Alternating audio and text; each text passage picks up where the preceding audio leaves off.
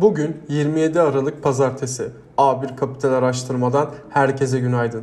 Küresel piyasalar tatil dönüşü omikron ile ilgili uyarılara ve Çin Merkez Bankası'ndan gelen mesajlara odaklandı. Reel sektöre daha fazla destek verileceğinin altının çizildiği açıklamada Çin Merkez Bankası daha hedefli ve yol gösteren bir para politikası sözü verdi. Çin'de sanayi şirketlerinin karları emtia piyasasındaki gelişmelerden olumsuz etkilendi.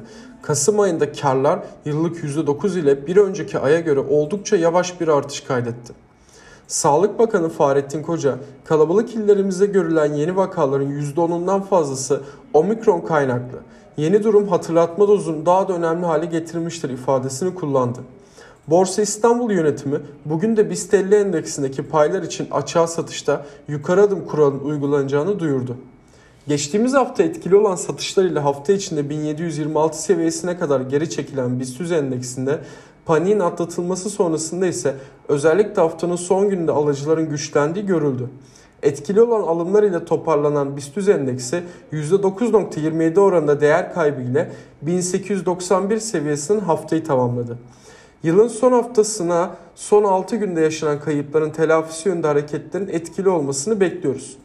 Geçtiğimiz hafta sert değer kaybeden sanayi sektörü hisselerinde alım iştahının güçlenmesini beklediğimiz haftada 2010 ve 2050 bandını ilk dirençler olarak takip edeceğiz.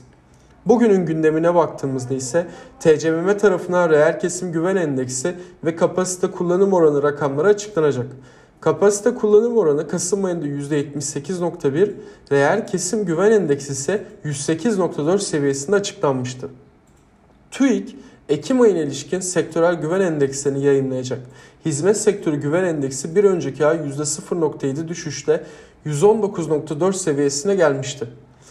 Avrupa'da öne çıkan bir veri bulunmazken ABD'de tek veri Dallas Fed Texas İmalat Aktivite Endeksi olacak. Herkese iyi seanslar, bol kazançlar.